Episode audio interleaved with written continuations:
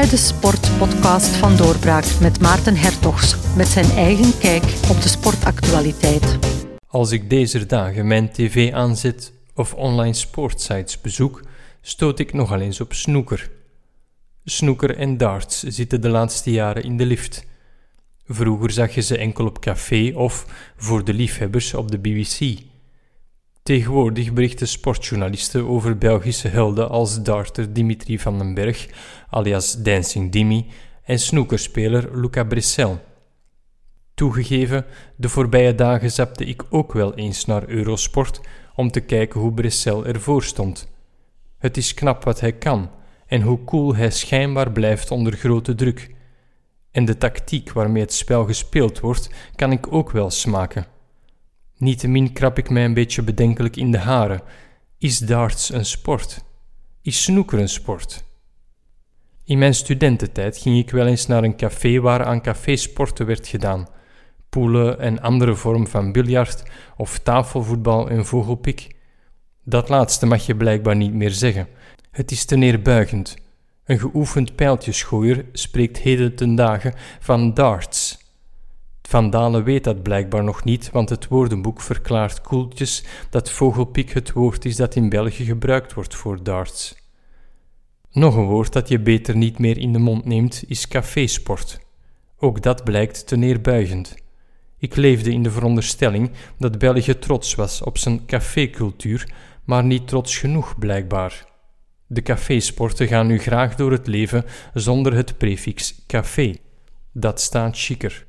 Maar zijn die voormalige cafésporten sport? Volgens Van Dalen is een sport een treden van een ladder. Aan die definitie voldoen nog darts, nog snoeker. Maar wielrennen en voetbal ook niet.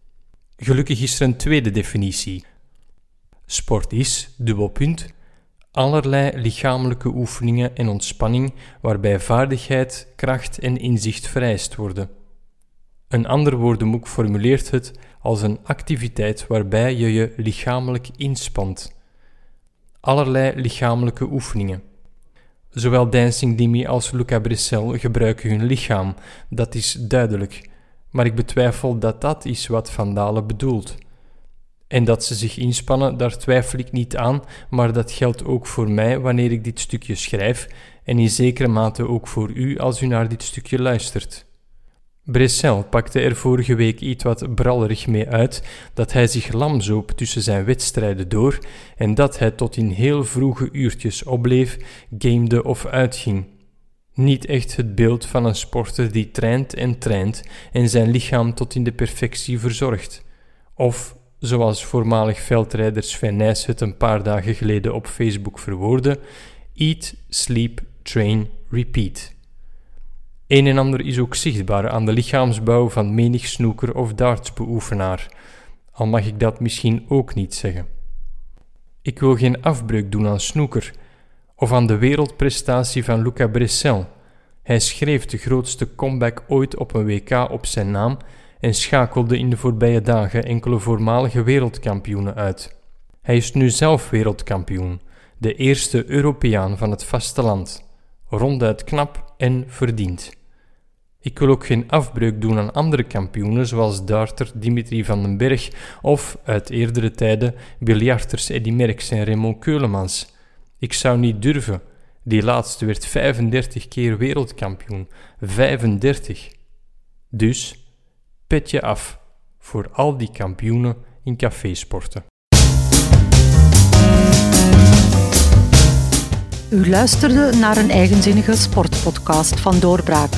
U kan deze podcast altijd opnieuw beluisteren op doorbraak.be-radio. Nog meer nieuws, analyse, interview en opinie vindt u op doorbraak.be. Word proefabonnee of steunabonnee van Doorbraak op doorbraak.be-abonnement en mis nooit nog een aflevering.